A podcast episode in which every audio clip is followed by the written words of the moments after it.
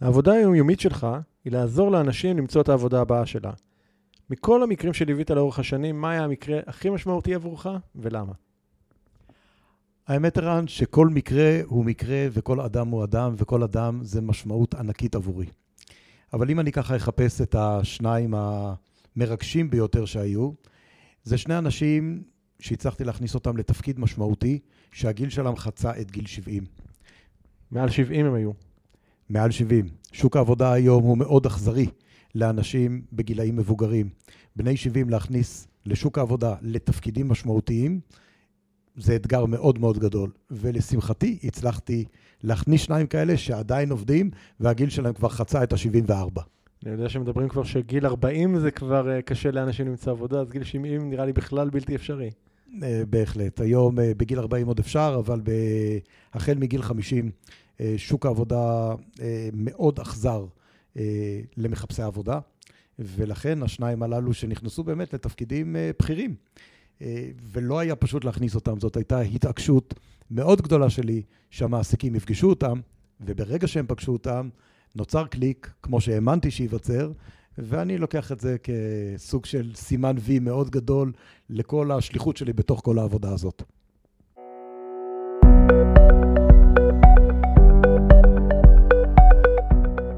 שלום וברוכים הבאים לפודקאסט כסף טוב, שיחות עם יזמים ועסקים המשנים את העולם. העסקים בעולם החדש פועלים בצורה שונה. הם מגדירים מחדש את כללי המשחק, הם מונעים מתוך תשוקה, להט וייעוד גבוה. על כל אלו ועוד תוכלו לשמוע כאן בפודקאסט כסף טוב, שבו ערן שטרן מראיין את האנשים שמפתחים עסקים שעושים טוב בעולם.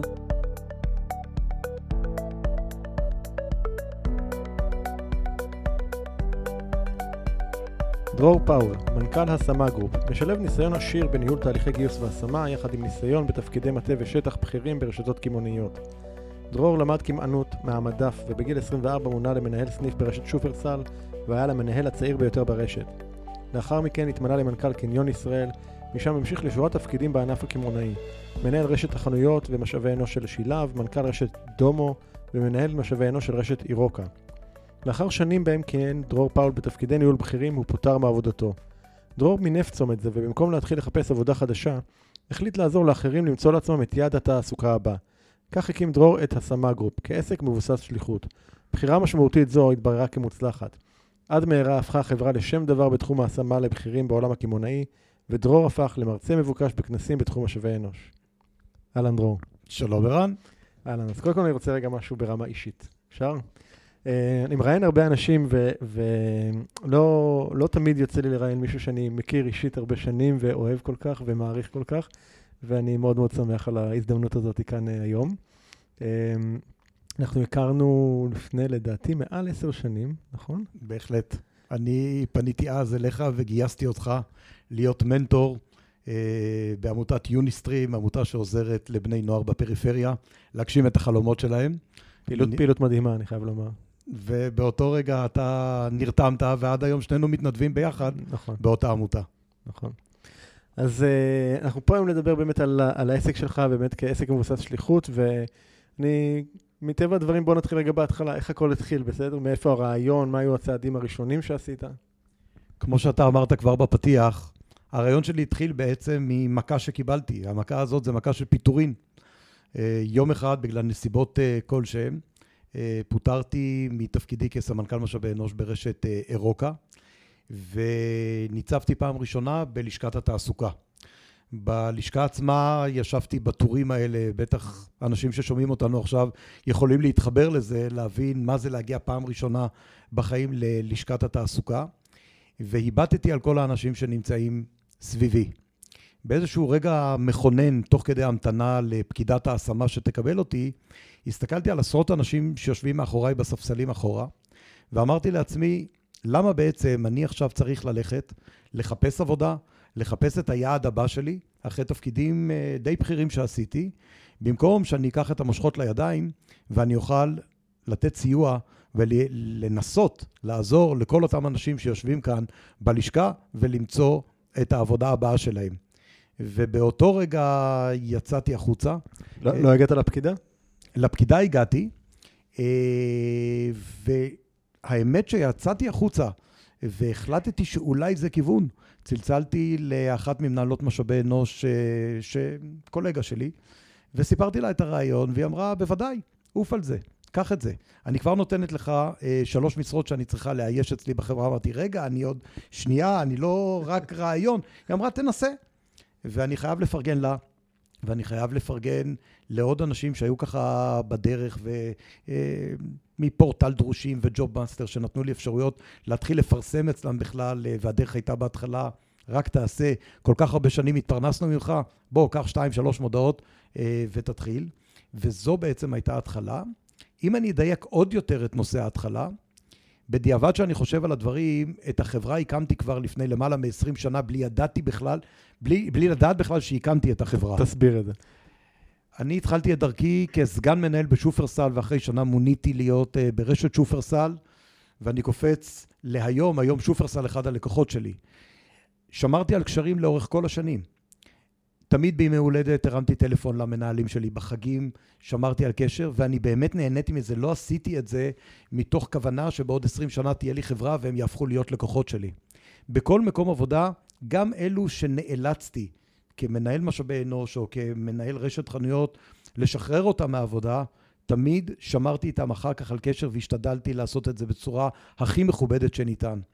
היום אותם אנשים הם הראשונים שבעצם פתחו לי דלת לבוא ולעבוד, לבוא ולעבוד עם אותם, עם אותם חברות. ובעצם, אני אומר כל הזמן, פתחתי את החברה לפני 20 שנה, בלי לדעת שפתחתי אותה. כל הקשרים שיצרת. כן. וזה חשוב מאוד, זה צריך להיות טבעי, אי אפשר לעשות את זה בצביעות. אבל זה חשוב מאוד לשמור על קשרים ולסיים יפה במקומות עבודה, כי תמיד פונים אחר כך לקבל המלצות. וההמלצות האלה צריכות להיות טובות, כי אנשים מתייחסים מאוד להמלצות ששומעים. אני, אני מאוד יכול להתחבר למה שסיפרת, זה, זה ככה העלה לי שכשעבדתי באינטל, אז uh, uh, אתה יודע, הייתי הרבה מאוד שנים, ואתה יוצר לעצמך בתוך מקום העבודה רשת קשרים מאוד מאוד ענפה כזאת. ואני זוכר ש... אבל זה היה בתוך אינטל, ואני זוכר שכשיצאתי, אז כאילו באיזשהו מקום אמרתי לעצמי, וואי, כאילו, כאילו, כל הרשת הזאת היא, היא כאילו, הייתה לי מין תחושת אה, פספוס כזה, שכל, שזה כאילו הוחמצה הרשת. ומה שקרה, פתאום ראיתי אחרי שנה, פתאום מישהו יצא החוצה מאינטל, ו, ופתאום עוד מישהו יצא, ופתאום עוד מישהו יצא. ויש היום איזה, זאת אומרת, אותה רשת קשיים שהייתה לי, קיימת גם היום במידה כזו או אחרת, עם, עם לא מעט אנשים, שהם כבר, אף אחד מאיתנו כבר לא באינטל, אבל עדיין בקשרים מאוד מאוד טובים. וזה, ואני חושב שבאמת פה העניין בסוף זה המערכות יחסים האנושיות שאנחנו יצרנו. ואני רוצה להוסיף על מערכות היחסים, שהיום אפילו יותר קל לשמור על קשר, מכיוון שיש נכון. את הפייסבוק ויש את המדיה שאנחנו מחוברים וגם יודעים על אנשים, לאו דווקא אם אנחנו מרימים אליהם uh, טלפון ביום הולדת שלהם לאחל להם מזל טוב, אנחנו יודעים מה קורה איתם. כשאני יצאתי... והם יודעים מה קורה איתנו. נכון, וכשאני יצאתי בתקופתו ממקומות עבודה או משופרסל אחרי הרבה שנים, הייתי חייב אה, להמשיך לשמור על, אה, על קשר של פעם, על הקשר האמיתי, נכון. עוד ללא הפייסבוק וללא כן. כל המדיה הדיגיטלית. נכון, בלי שפייסבוק מזכיר לך שהיום יש לדרור יום הולדת, נכון? לחלוטין. אז אה, יצאת לדרך, ואני, כמו כל עסק, אני מניח שהתמודדת עם איזה שהם אתגרים או קשיים או בעיות. מה, מה, מה אתה זוכר שהיה נניח האתגר הכי משמעותי שהיית צריך להתמודד איתו? קודם כל, האתגר הגדול זה להפוך מלהיות שכיר לעצמאי. זה... ואנחנו לא מדברים על העניין הטכני. לא, לא, לא העניין הטכני, אלא בתפיסה של uh, מלקבל משכורת uh, כלשהי לחודש, וזה נשמע כאילו מסודר ומובנה, ואתה יודע שתעבוד, אבל מה שלא יהיה, בתשיעי לחודש uh, המשכורת נכנסת. פתאום אתה צריך לייצר לעצמך את המשכורת. זה משהו קודם כל פסיכולוגי. אני מסכים. הדבר השני הוא באמת uh, לחצות את החודשים הראשונים או את השנה הראשונה. השנה הראשונה היא בוודאי קשה, כי אתה מתחיל משהו, אתה לא יודע אם תצליח או לא תצליח. יש לך כיוון, עדיין לקוחות מועטים, אתה לא יודע בדיוק איך לעשות, אתה, כל דבר זה ניסוי וטעייה. מצד שני, ההוצאות ממשיכות לרוץ, הבית צריך להתקיים, וצריך באמת בבת אחת לגייס גם את עצמך, גם את האמונה המלאה שלך, אבל גם את בני הבית את האישה, במקרה הזה, את מירב, שהיא תמכה מאוד בעניין, את הילדים, לדבר בצורה חופשית ולהגיד, חבר'ה, אנחנו הולכים כרגע למשימה חדשה, אנחנו כולם מתגייסים לעניין הזה, ולסגור ברז בבית, אה, כדי בעצם למנף את החודשים הראשונים עד שהשקלים הראשונים בכלל מתחילים להיכנס לעסק. אז אמ, מה, מה למדת מה, מה, מהתהליך הזה שעברת? מה למדת על עצמך נניח? התהליך הזה הוא תהליך מרתק ומפחיד, מלחיץ ומעצים. אה, למדתי על עצמי שאם אני באמת אה, מאמין אה, בדרך, יצטרפו אליי ואני כמו מגנט אצליח למשוך אליי אנשים שיאמינו בי. אתה קודם כל חייב לשדר משהו חזק מאוד ליקום, ואתה מקבל את זה כפל כפליים. כשאני יצאתי מאותה לשכת תעסוקה והרמתי טלפון לאותה אחת שאמרה לי, אפשר להגיד בעצם את השם שלה, למה לא? תפרגן לה, קדימה, תפרגן לה. אה, תמר, שהיא סמנכ"לית אה, רשת שילב, שבה עבדנו ביחד, והרמתי לה טלפון, אה, היא הייתה הראשונה שהרמתי לה טלפון, ואמרתי לה, תמר, מה דעתך? והיא אמרה לי, מיד תתחיל. ואחר כך מיד עוד קולגה מרשת אופטיקנה, שמה לימור בזמנו, מיד נתנה לי השמה נוספת למצוא אה, של ניהול רשת, זה אומר שכשאתה מאמין ולאורך כל הדרך אתה משדר דברים טובים ליקום, כשאתה צריך משהו, בלי שאתה באמת יודע, הדברים חוזרים אליך. גם היום אני לא תמיד מאמין איך הדברים מגיעים אליי. זה פשוט, לי זה נראה כמו סוג של נס, שהיום אני מנהל כבר עסק והעסק כבר מבוסס, ואני מדבר איתך היום אחרי שמונה שנים שהעסק עובד, והעסק מבוסס וגדול ועם עוצמה. ונותן שירות להרבה מאוד אה, חברות בארץ. בשבילי כל יום זה היום הראשון לעסק. מהמם. אני חושב שאתה חי באנרגיה הזאת שכל יום הוא כאילו היום הראשון, זה משהו מאוד... אה, זה, זה נותן, אה, זה משהו מלא תשוקה, אני חושב. זאת אומרת, כי בדרך כלל, אתה יודע, הרבה עסקים שאני פוגש, אז תמיד יש את ההתלהבות הראשונית.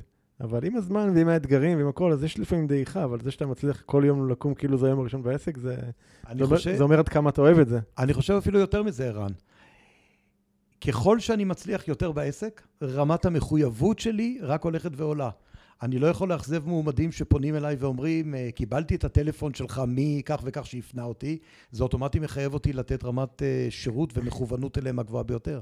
אני לא יכול לאכזב חברות שפונות אליי ואומרות, תשמע, שמענו שאתה עושה את זה בצורה אחרת. לא יכול לאכזב אותם, ולכן רמת המחויבות רק הולכת ועולה משנה לשנה ומחודש לחודש אפילו. אתה בעצם פוגש כאן אה, אנשים, אני מדבר רגע על הצד של המחפשי עבודה, אתה פוגש כאן אנשים במקום במקום שאתה היית בו, מקום לא, לא קל, זאת אומרת, בין אם זה עזבו מרצונם או פוטרו, או מה שזה לא היה, של, אה, אני מניח שמגיעים במצב קצת מעורער, שלפעמים כאילו מישהו משך להם את השטיח מתחת לרגליים. אה, לפעמים, אתה יודע, אנשים, בעיקר אנשים שפוטרו הרבה אחרי הרבה זמן שעבדו במקום עבודה, לא תמיד יודעים איך, מה זה אומר לחפש עבודה, וזה, אני שמעתי אותך אומר שזה, לחפש עבודה זה סוג של עבודה בפני עצמו, אבל לא כולם מבינים את זה. איך... איך אתה, מה היית, היית ממליץ להם לעשות במצב הזה? איך אה, להפוך באמת את החיפוש עבודה למשהו אקטיבי ולא רק להסתמך על, על נס מזל או גורל? קודם כל זה נכון. אני פוגש אנשים, והנוסחה וה, עוד אומרת דבר כזה, ככל שהם בכירים יותר, המפלה שלהם אה, קשה, קשה יותר. גם האגו נכנס פה בטח. האגו נכנס אה, תמיד, ו... ככל שהיה להם, אני תמיד אומר, ככל שהיה להם ג'יפ גדול יותר של מקום העבודה בחוץ, ועכשיו הם צריכים לספר לשכנים שלהם למה הם נוסעים על האוטו של האישה, כמה פעמים אפשר להגיד שהאוטו נמצא במוסך. נכון. זאת אומרת, באיזשהו שלב אתה צריך לצאת מהארון של עצמך, ולהגיד, אוקיי, הסיטואציה כרגע שונה, אני מטפל בסיטואציה של חיפוש העבודה שלי, בדיוק כמו שהייתי מטפל בכל עסק או בכל אתגר שהיה לי בתוך מקום עבודה שהייתי שכיר. אני, אני רוצה רגע להגיד פה, רגע לפתוח בסוגריים רגע, תכף נחזור לתשובה, כי פשוט העלית לי פה משהו ש... אני חושב שהוא מאוד, uh, מאוד מעיד על זה. הייתה לפני כמה שנים תוכנית של מיקי חיימוביץ' על מחפשי עבודה מעל גיל 40, והראו שם שלושה סיפורים.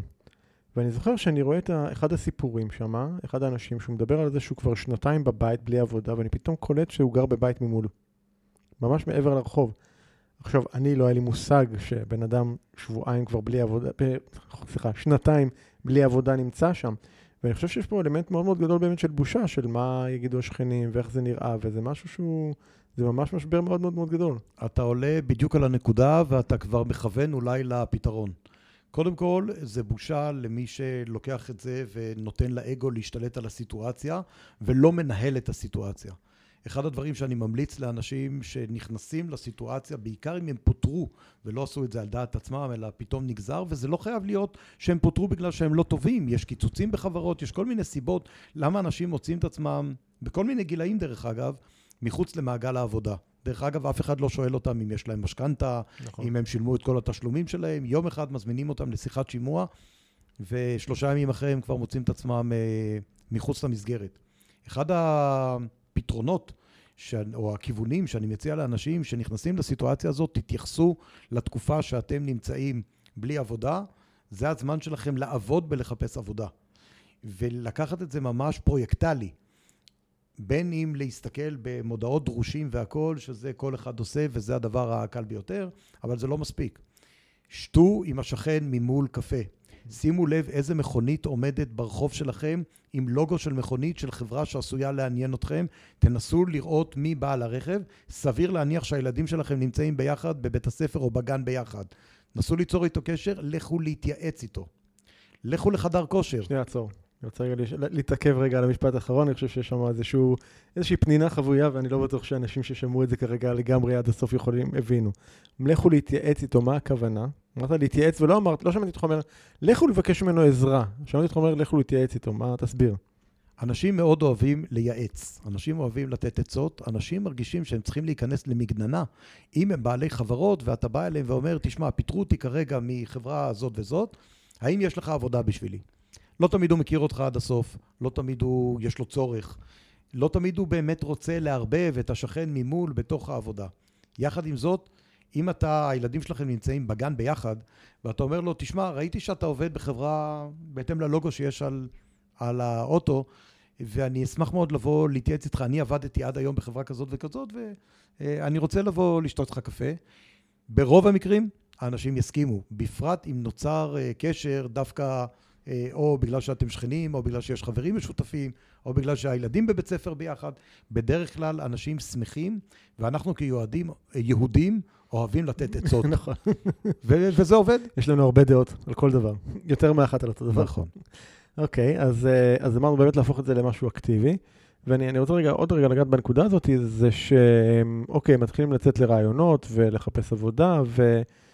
ומן הסתם לא הכל תמיד ורוד, ומקבלים תשובות שליליות, ואני מניח שיש מצבים שבן אדם מקבל יותר מאחת, שתיים או שלוש תשובות שליליות. איך, איך, איך בן אדם יכול להמשיך לשמור על אופטימיות גם כשהוא מקבל עשר תשובות שליליות? כל תשובה שלילית שבן אדם uh, מקבל, קודם כל סטטיסטית מקדמת אותו לתשובה החיובית שהוא יקבל. אוקיי. היום uh, אתה מקבל איזה עשר תשובות שליליות עד שאתה uh, מקבל את התשובה החיובית. ממש ברמה סטטיסטית. זה, זה המצב בשוק העבודה? ממש ככה. עשר תשובות, וואו. ככל שאתה בכיר יותר, אתה תקבל תשובות שליליות רבות יותר, כי הפירמידה למעלה צרה, ואם תצליח להגיע לעשרה רעיונות, שגם זה מורכב כשלעצמו, אתה תקבל תשובות שליליות עוד לפני אותה תשובה חיובית. כל תשובה כזאת... כש, כשאני רוצה רגע, טיפה רגע להתעכב שנייה על העניין הזה, אני רוצה רגע לדמיין את הסיטואציה, בסדר? יושב מולך מנכ"ל, בסדר? עד uh, שלשום היה מנכ"ל, הייתה לו מזכירה, היה לו צוות ש... מה שנקרא שר לפקודתו, לצורך העניין. והוא מגיע אליך ואתה אומר לו, תשמע, אתה הולך אה, ללכת לרעיונות, אה, לקבל עשרה, כנראה עשר תשובות שליליות, עד שתקבל אחת חיובית.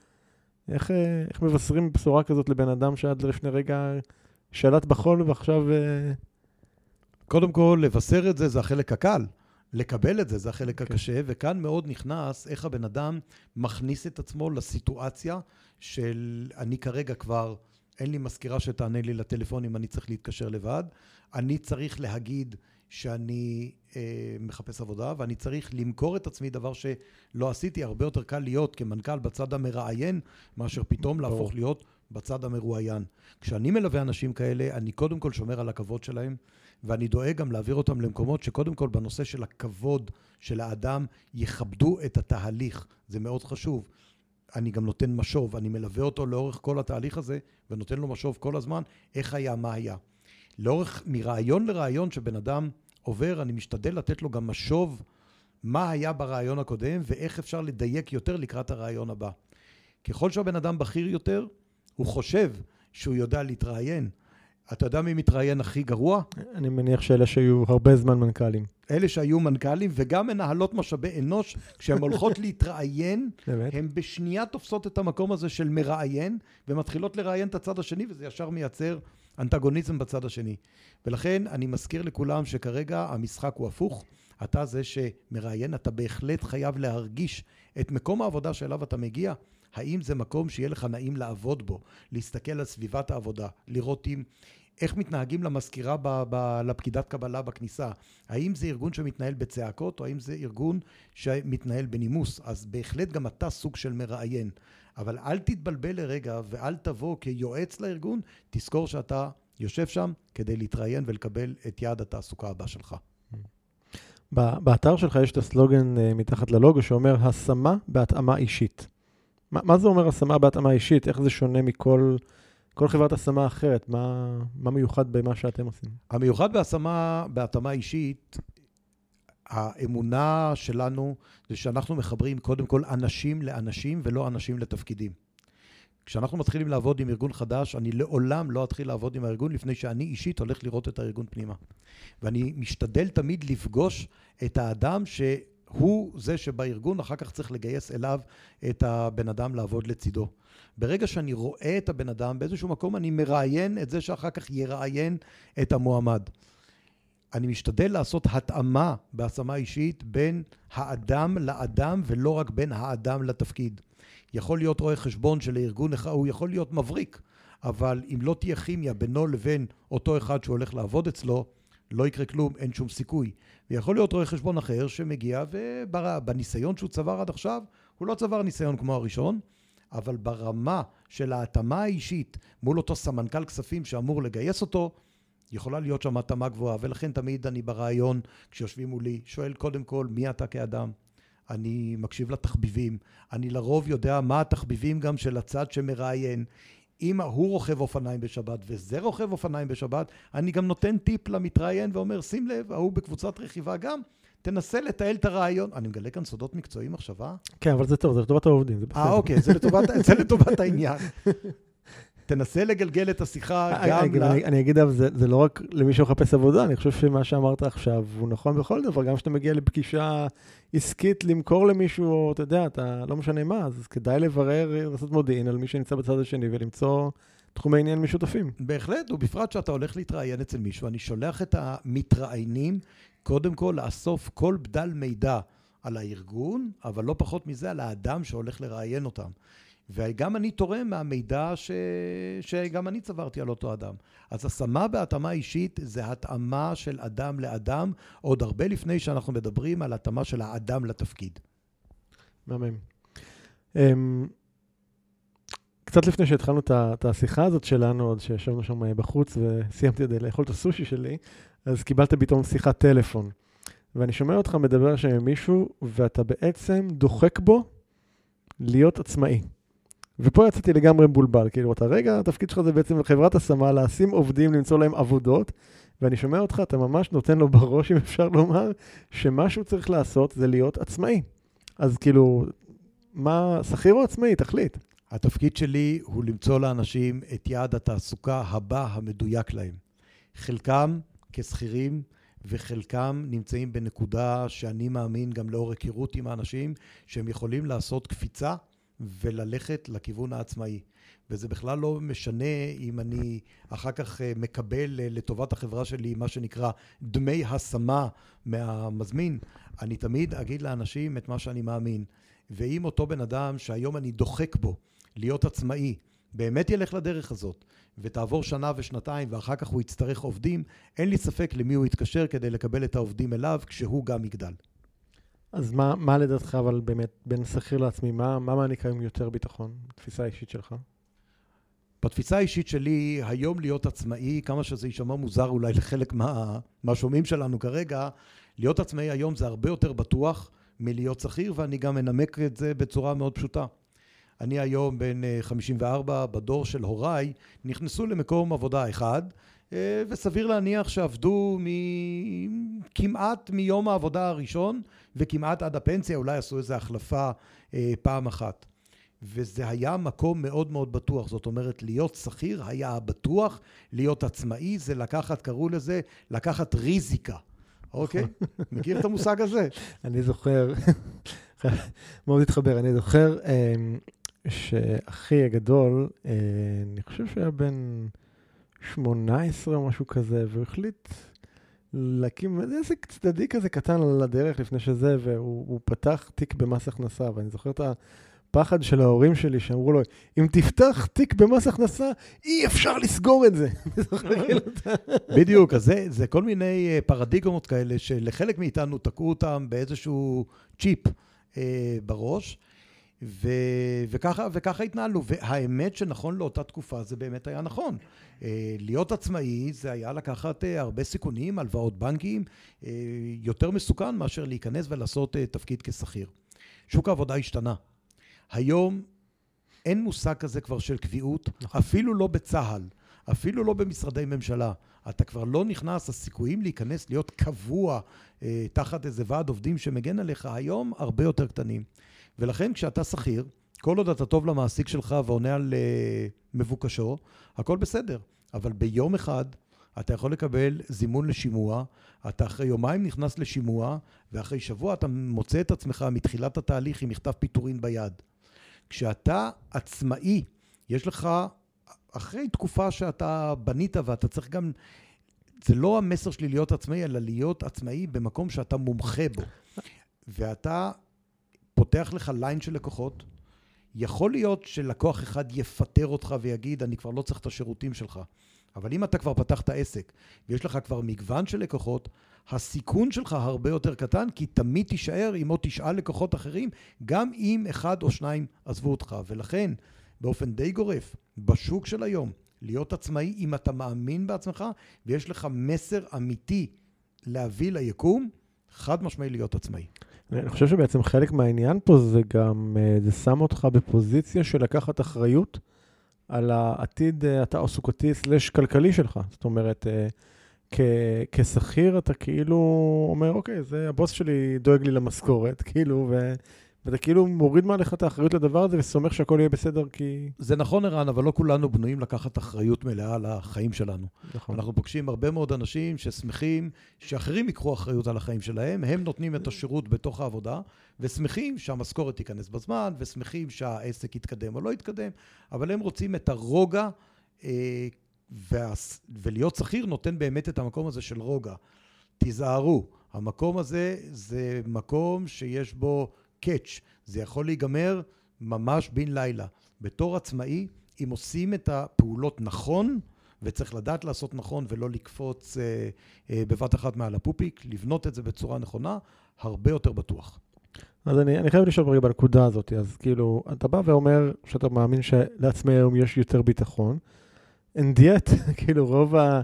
רוב הלקוחות שלך, אני מניח, אתה עדיין מסדר להם עבודה כשכירים. זה לא יוצר לך איזשהו דיסוננס פנימי כזה, כשאתה יושב עם בן אדם ואתה אומר לו, הנה, אני שם אותך במקום עבודה, אבל uh, דע לך, זה לא הדבר הבטוח. קודם כל, אתה שמעת באמת את השיחה שניהלתי ככה בחוץ לפני שנכנסנו פה להקלטה, ותלוי עם מי אתה מדבר. ותלוי גם לאיזה תפקיד. אני לא חושב שהיום uh, כל שכיר במדינת ישראל, uh, כל שכיר במדינת ישראל צריך להפוך להיות עצמאי. יש שלבים, וזה תלוי באופי של האדם, ולכן אני תמיד מקפיד לפגוש את האדם. וגם אם אתה הולך להיות עצמאי, לא חייבים ביום אחד לזרוק את כל מה שעשית ולהגיד, אוקיי, מהיום אני עצמאי ורץ לדרך. אני מטיף לעצמאות לאנשים שאני מאמין שהם צברו מספיק ניסיון, יש להם קשרים מספיק טובים, יש להם גם גב כלכלי מסוים כדי להתחיל ולעבור את החודשים הראשונים שהם חודשים קשים. ולא להישבר, כי נורא קל בשנה הראשונה להישבר ולהגיד, אוקיי, ניסיתי, זה לא הולך, בוא נחפש את היעד הבא. אין לי איזושהי מנטרה, תהיה עצמאי ולא תהיה שכיר. צריך להתאים את ה... להיות שכיר או עצמאי בהתאם לאופי ולאדם שיושב וגם לתפקידים שהוא ביצע עד לאותה נקודה. מה, אם היית ככה סוקר את החיים שלך עד היום, מה, מה היית מגדיר מבחינתך את ההצלחה הכי גדולה בחיים שלך? תראה, החיים שלי הם... מקווה שזה לא יישמע כזה, אתה יודע, אבל זה, זה חיבור של הצלחות קטנות, שבסופו של דבר הובילו אותי למקום שבו אני נמצא היום, שגורם לי כל יום לאושר מחדש. אה, כשהייתי בבית ספר יסודי, הייתי אה, יושב ראש מועצת התלמידים. סוג של הצלחה שנתנה לי את המקום באמת לדעת לנהל משהו ולהתמודד עם ההנהלה. הייתי נציג, הייתי בכיתה ח', אה, ישבתי מול מנהל בית הספר, זה נתן לי איזשהו כלי. אה, שהשתחררתי, אפילו כשעבדתי אה, בתיכון, שטפתי חדרי מדרגות, זה היה הסטארט-אפ הראשון שלי. שטפתי... טכנולוגי זה היה? זה היה הכי לא טכנולוגי שיכול להיות, אבל ממש הקמתי שם עסק. התחלתי משטיפת חדרי מדרגות בבניין שבו גרתי עם הוריי. עזב שם מנקי המדרגות וחיפשו מישהו, ואז אבא שלי היה יושב ראש הוועד. אמרתי לו, אולי אני אשטוף את המדרגות? הוא אמר לי, אתה רוצה? אז אנחנו, יש פה נפוטיזם, אנחנו מבינים. כן, לגמרי. ואני התחלתי לשטוף את uh, חדר המדרגות. חדר מדרגות אחד, השכנים בבניין ליד שמעו שאני שוטף, שאלו, אתה רוצה גם אצלנו? ובמשך שנתיים בניתי עסק. הייתי תלמיד uh, שהגיע לבית ספר uh, בין שטיפה לשטיפה, ויצרתי כאן עסק של... הלכת לבית ספר להפסקות. בדיוק. של עשרה חדרי מדרגות. ששטפתי אותם, זה היה נורא נוח, כי עשיתי את זה בזמן הפנוי שלי. בזמן בית ספר הפנוי. בזמן בית ספר לגמרי. ולפני שהתגייסתי, לפני שהתגייסתי לצבא, אה, היה לי כבר עסק, והייתי, מה לעשות איתו? כאילו, סתם לעזוב את זה? לא. לקחתי סטודנט, פרסמתי, לקחתי סטודנט אה, שהתחיל ללמוד אה, באותה עת בירושלים, ומכרתי לו את עשרת חדרי המדרגות לניקיון. בקיצור, עשית עליו אקזיט. עשיתי עליו אקזיט, אה, תמורת חודש שלם של פדיון, של שטיפת חדרי מדרגות. גדול. לגמרי. אז דיברנו כאן באמת על, על יזמות, התחלנו לדבר פה קצת על יזמות בהקשר הזה. מה, מה אתה חושב שה, שהיא היכולת הכי משמעותית שיזם או בעל עסק צריך שתהיה לו, כדי שבאמת שהוא יוכל לשגשג עם העסק שלו? יזם צריך לראות הזדמנויות ולא לפחד לקפוץ, לחטוף אותם. ולא להגיד, אוקיי, כש... בוא נראה אחרים, כי אז הוא כבר לא יזם, אז הוא יודע לתפעל נכון, הוא יודע לעשות, להיות תמיד uh, מספר שתיים. יזם אמיתי חייב לאתר הזדמנויות ולקפוץ עליהם. אני אתן לך דוגמה סתם מהקריירה שלי. כשהשתחררתי מהצבא, אה, לא הרגשתי די בזבוז ללכת לאוניברסיטה ולעשות תואר ראשון ותואר שני. אמרתי, מה, מה יצא לי מזה? אני מוכן ללכת ללמוד משהו שהוא יהיה פרקטי. באותה עת, סבתא שלי הייתה בבית זקנים. אז קראו לזה בית זקנים, בית אבות של זקנים. וכשהסתכלתי על המקום הזה, אמרתי שהוריי, אני משוכנע שלא יסכימו להיות באותם תנאים של בית זקנים, כי הדור משתנה והכול. אני מדבר איתך כבר, וואלה, 35 שנה אחורה. והלכתי ללמוד ניהול של בתי אבות באוניברסיטת חיפה. וואלה, זה לא ידעתי עליך. הייתי הצעיר ביותר לדעתי עד היום, בגיל 22. למדתי ניהול בתי אבות, יש לי תעודה רשמית שאני יכול לנהל ולהפעיל בית אבות, כי ראיתי כבר אז שהעולם של דיור מוגן, שהיום הוא נראה דבר לגמרי. מאוד אה, טריוויאלי, וחברות אה, נכנסות אליו כמשקיעות, ואנשים הולכים אליו אה, ונכנסים למקום הזה, אז כבר ראיתי שהדור של הוריי לא יסכים להיות באותם בתי זקנים. ו- וזה בדיוק לראות את ההזדמנות בטיימינג הנכון ולעשות עם זה גם משהו. זה לא מספיק רק לדבר על זה, לך ותעשה. מהמם. מי, מי האדם שהכי השפיע על החיים שלך? וואו. אני חושב שכל אדם שאני פוגש משאיר לי חותם. יש לי זכות לפגוש בשבוע או לראיין משהו כמו עשרה, 12 אנשים ככה פרונטלית שיושבים מולי, ואין פגישה אחת דומה לשנייה וכולם משפיעים. אם אני אלך ככה, אבל באמת לשורשים, אני אקח את אבא שלי, שהוא לאורך שנים היה עצמאי.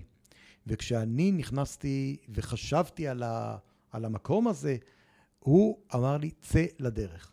אל תפחד. צא לדרך. מה יכול להיות?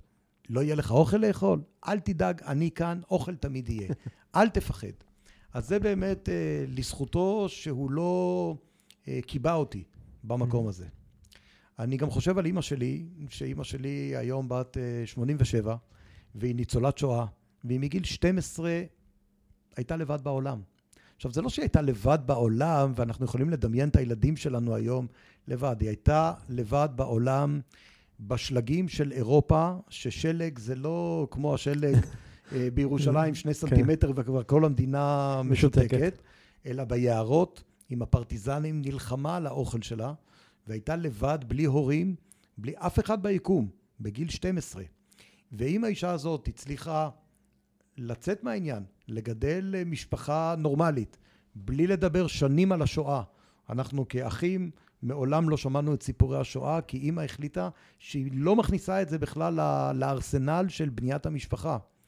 אז עד היום אה, אימא שלי מסתכלת רק על הצד החיובי, וכשהיא לפני שנה וחצי שברה את הפיקה ברגל, ולמחרת התקשרתי בבוקר, זאת אומרת הייתי איתה באותו יום, ולמחרת התקשרתי בבוקר לשאול מה נשמע, איפה היית? כאילו צלצלתי לבית, היא לא ענתה, התקשרתי לטלפון הנייד, היא אומרת, מה זאת אומרת? הייתי בחדר כושר. אמרתי, מה זאת אומרת היית בחדר כושר? את עם הרגל? היא אומרת, אז מה, אני לא יכולה להזיז את הידיים? גדול. אז אה, זה מקור אה, ההשראה הגדול שלי, קודם כל מתוך הבית.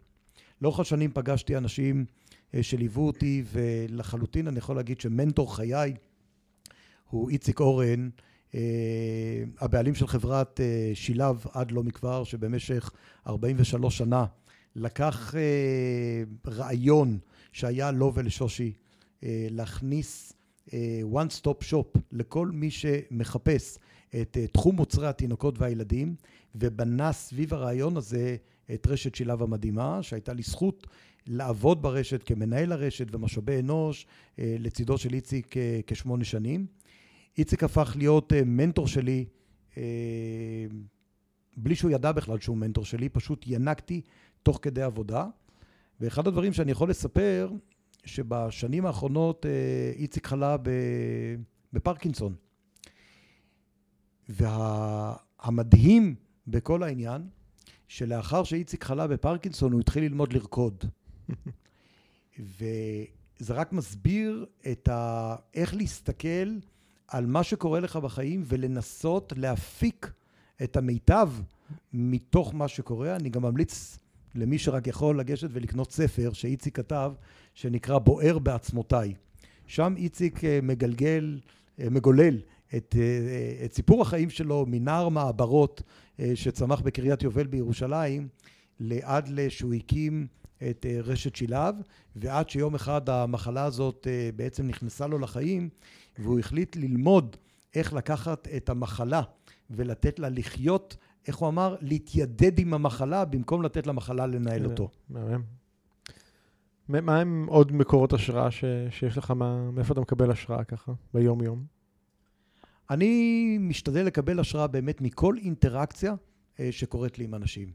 אה, בין אם זה מרואיינים, בין אם זה מקומות שאני הולך אה, ו- ונפגש, ואני חובב ספרים, יש לי מדף בבית, הילדים שלי אומרים, זה מדף אבא, זה ספרי אבא, זה כל הספרים למיניהם שבסטמצקי רואים אותם, מה שנקרא ספרי ניהול. Okay. כן. אני חושב שקראתי בערך את כל הספרים. לחלקם, למשל הספרים של אה, טל בן שחר, שעוסקים באושר, יש לי הרגשה שאני כתבתי אותם בראש והוא העלה אותם רק על הכתב. היית סופר צללים. ממש ככה. אוקיי. okay. um, אני יודע שיש משהו שלא הרבה אנשים יודעים לגביך, גם אני לא ידעתי עד לא מזמן. זה שזכית באות נשיא המדינה למתנדב. אז מה, מה היה הדבר שזיכה אותך באות המכובד הזה? אני רואה שעשית תחקיר חבל על הזמן, אם הגעת לדברים האלה. זה חלק מהעניין. קודם כל זה היה באמת, אה, זה היה כנער, אה, כשהייתי בכיתה ח' והייתי במועצת התלמידים בירושלים. אה, יזמתי יחד עם אייבי נתן בזמנו חלוקת נפט לקשישים, אז חיממו את הבית בתנורי פיירסייד, תנורי נפט. אני, אני נשמע נורא זקן כבר. אולי זה באמת, אני זקן ואני אני, לא רואה את זה. אני רגע אעזור לך, אני זוכר את התנורים האלה גם כילד. אה, אוקיי. אוקיי. לא, אנחנו די באותו גיל, שלא יישמע שאנחנו פה איזה עתיקות, אבל אולי כן. אמרת קודם בית אבות, אז כאילו, אני, אני, אני רק אומר למען הספק, השידור הזה לא, לא מוקלט בבית אבות. כן. אז יחד עם אה, פרויקט של אייבי נתן, אה, הרמנו בירושלים פרויקט ענק של חלוקת נפט לקשישים. פעם בשבוע היו מגיעות אה, מכליות נפט כאלה, והיינו סוחבים ג'ריקנים. זה התחיל בבית ספר שלי, אני למדתי בגימנסיה בירושלים, ואחר כך זה הדביק את כל העיר, והפכנו את זה לפרויקט עירוני, וחילקנו, וחילקנו נפט לקשישים. על זה זכינו, אני זכיתי אה, בגין הפרויקט הזה באות נשיא המדינה למתנדב. ויש לך גם עוד איזשהו הרגל יומי שאתה מאוד מאוד מאוד מאוד מקפיד עליו. נכון. אני מדי בוקר אה, קם בשעה 5.55. אוקיי, אז רגע, אנחנו נעצור, אנחנו שמעתם. זה לא שש, זה לא כמה דקות לשש, זה חמש, חמש, חמש. בדיוק. עכשיו, אם מכל השידור הזה מישהו יזכור רק דבר אחד, שיזכור לקום בבוקר בשעה 5.55, והאמת שיש בזה מסר. הלוא כולם יכולים לשים את השעון ל-6, 6 ו-10, 6 ורבע. חמסה, חמסה, חמסה, לא? בדיוק. אבל קחו את ההבדל הקטן בין לקום, בח... ב... בין לקום בשעה 6 לבין לקום בשעה 5.55, וזה בדיוק מה שעושה את היום. כשהתת מודע שלך אתה קם עם הספרות חמסה, חמסה, חמסה, אם אתה מכניס את זה לראש, ואתה גם, אני קם, לא סתם קם, אלא אני כל בוקר גם צועד בחוץ, באוויר הירושלמי, גם הקר בימים האלה, מקפיד לעשות את זה מדי יום, כל ה mind שלך מתחיל אחרת. כשאתה מתיישב לעבוד, אתה התחלת כבר עם תפיסה ועם אנרגיות אחרות לגמרי, מאשר אם הייתי סתם קם בשעה אפילו שש בבוקר והולך להתקלח, לאכול ארוחת בוקר ולצאת לעבודה. כל אחד צריך למצוא לו את הדבר הזה שמזכיר לו מדי יום את הדבר האחר, את, ה, את הטוויסט הקטן. והטוויסט של החמש דקות, לא לקום בשש, אלא בחמש חמישים וחמש, זה המוטו שאני משתדל להעביר אותו לכל בן אדם שאני רק פוגש. אתה גם שר לעצמך משהו, תוך כדי הליכה. נכון, אני אשאיר את זה לסוף. הנה, את זה הייתי צריך להגיד בהתחלה, לשמור טיזר לאנשים להקשיב עד הסוף. אוקיי, מה, מה עוד אתה אוהב לעשות מעבר ל, ל, לעסק? מה, מה עוד ממלא אותך? תראה, זה, זה כאילו הכי טריוויאלי להגיד, אני אוהב לעשות ספורט והכל, אבל במקרה שלי, אני עובד כל עוד אני ער ולא ישן. והאמת שהעסק שלי זה התחביב שלי. אני פוגש אנשים, אז, אז זה ממלא אותי, וזה אולי... בדיוק, בדיוק סיפור האהבה שאני מפתח עם כל בן אדם ואדם שיושב מולי. ה, ה, באמת העסק הוא גם התחביב. אני עובד לא בשביל לעבוד, אני עובד לא בשביל ה... ברור שיש בזה גם את הפרנסה והכל, אבל ברגע שאתה עובד מהלב ומהבטן, וזה הופך להיות גם חלק מהזהות שלך ומהמשמעות שלך, והשם הנרדף שלי זה דרור מהשמה גרופ, זה, זה חלק ממני. אה, ולכן העבודה היא, היא, היא באמת ממלאת את כולי, למרות שאני גם עושה פילאטיס, ואני צועד בבוקר, ואני גם מתנדב סדרתי, והדברים הללו, אבל, אבל זה, זו הליבה. בעצם העסק שלך זה אנשים. העסק הוא אנשים לגמרי, בוודאי. חד משמעי. אוקיי, אמ, אז לאן מכאן? מה, מה יהיה הדבר הבא, הגדול הבא של דרור? אני לא בטוח שאני יודע להגיד מה הדבר הבא, ואתה יודע מה, ערן? אני גם לא בטוח שאני מחפש את הדבר הגדול הבא. אני חושב שהגעתי לדבר הגדול שאני צריך לשהות בספינה הזאת, כי יש לי כאן שליחות מאוד מאוד גדולה. אז בוא נדבר על זה רגע, מה היא? איך אתה מגדיר אותה? כשאני מוצא היום לאנשים את יעד התעסוקה הבא שלהם, אני מבצע שליחות אה, לא רק לעצמי, זאת אומרת, דרכי, אבל אני עוזר לאנשים אה, באמת להגיע למקום שיהיה להם מקום טוב. ואני עושה את כל המאמץ כדי לא למצוא להם רק את יעד התעסוקה הבא, אלא למצוא להם את יעד התעסוקה הנכון להם. ולכן, כל עוד יש לי כוח, וכל עוד אני בשיא האנרגיות שלי ומאחל לעצמי עד הרגע האחרון להיות כזה, אין לי שום אה, מחשבות, אתה יודע, אומרים, בפנסיה אני אעשה כך וכך. אני בטוח שגם בפנסיה אני אמשיך לעשות את מה שאני עושה היום, כי ככל שהעסק הזה עובד ואנשים נכנסים למקומות עבודה, זה כמו דינמו של אופניים. זה רק מטעין אותי יותר ויותר, ולכן אני לא מחפש את הדבר הגדול הבא, אני חושב שאני נמצא כרגע בדבר הגדול הבא. אוקיי. Okay. אגב, ככה עלה לי תוך כדי ש... שאנחנו מדברים, קרה לך שעשית השמה ש... שלא הצליחה? שבן אדם, אה, זה לא היה זה? כן, בוודאי. זה קורה. אני משתדל, אה, באחוז, אנחנו גם מודדים את זה בסטטיסטיקה אצלנו בחברה, ולשמחתי, אחוזי ההמרה שלנו הם מאוד גבוהים, זאת אומרת, כמות האנשים שאנחנו שולחים לראיונות לעומת אלו שמתקבלים בסופו של דבר היא מהגבוהות שיש, ויש גם מצבים שאנשים נכנסים לארגון ואותה כימיה לא באמת אה, עולה יפה, או לחילופין, שמתחלף בוס באותו ארגון ומגיע אחר כך בוס אחר, וזה תמיד בסופו של דבר נופל על הכימיה. Mm-hmm. ואם אין כימיה, אז אנשים uh, זזים קדימה. אוקיי, okay. אז הנה שאלה ככה מסכמת יחסית, אוקיי? Okay? נניח שהייתי יכול לארגן לך עכשיו איזשהו שלט חוצות ענקי, אה, באמצע המדינה או באמצע העולם, לא משנה, שכל אדם בעולם יכול לראות אותו. בסדר? הנה השלט, מדמיין רגע את השלט, הוא מולך. מה המסר שהיית רוצה לכתוב עליו? יש מסר אחד, וזה מתקשר למה שאני מזמר לעצמי כל בוקר שאני צועד, שהזכרת קודם. אני איש חילוני, אבל יש פסוק בתהילים שמלווה אותי כל בוקר וכל שנייה, שאומר את הדבר הבא: מי האיש החפץ חיים, אוהב ימים לראות טוב, נצור לשונך מרע, ושפתיך מדבר מרמה. סור מרע, עשה טוב, בקש שלום ורודפהו. וואו. אז אני חושב שעם המשפט הזה אה, אין עוד הרבה מה שצריך להוסיף, ואנחנו ככה ניתן לו להדהד למרחב. אז אה, דרור, היה לי לעונג גדול, ותמשיך בעבודה המבורכת שלכם. אה, כל מי שרוצה, אגב, ליצור איתך קשר, ורוצה השמה, ורוצה את ה... העבודה הנכונה הבאה שלו, איך, אה, איך מגיעים אליכם? אין שום בעיה, הדרך הקלה ביותר אה, להיכנס אה, לאתר שלנו, פשוט להקיש בגוגל השמה גרופ, שם יש את כל הפרטים, כולל הטלפון הנייד שלי, אני אפילו משתדל לענות לכולם עד סוף יום עבודה, ומוזמנים לפנות, להסתכל באתר, אפשר להסתכל גם בפייסבוק, דרור פאול, השמה גרופ בעברית, ולראות, ומי שנמצא בשלב של חשיבה בחיים, מוזמן לפנות אלינו. ואנחנו גם נשים קישור מה, מה, מה, מהדף של הפודקאסט הזה באתר של, של כסף טוב.ביז, אז כל מי שרוצה ליצור קשר עם דרור מוזמן גם משם, ואנחנו נפרסם שם גם עוד כמה סרטונים של, מההרצאות של, של דרור אה, בכל מיני הזדמנויות. אז דרור פאול, תודה רבה, תמשיך לעשות טוב. תודה ערן, ותודה על ההזדמנות לשבת כאן היום. בכיף.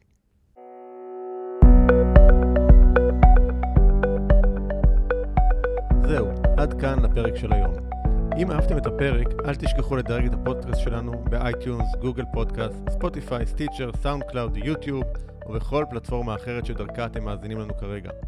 תוכלו למצוא באתר הפודקאסט כסף טוב.biz את כל הקישורים הרלוונטיים לפרק הזה.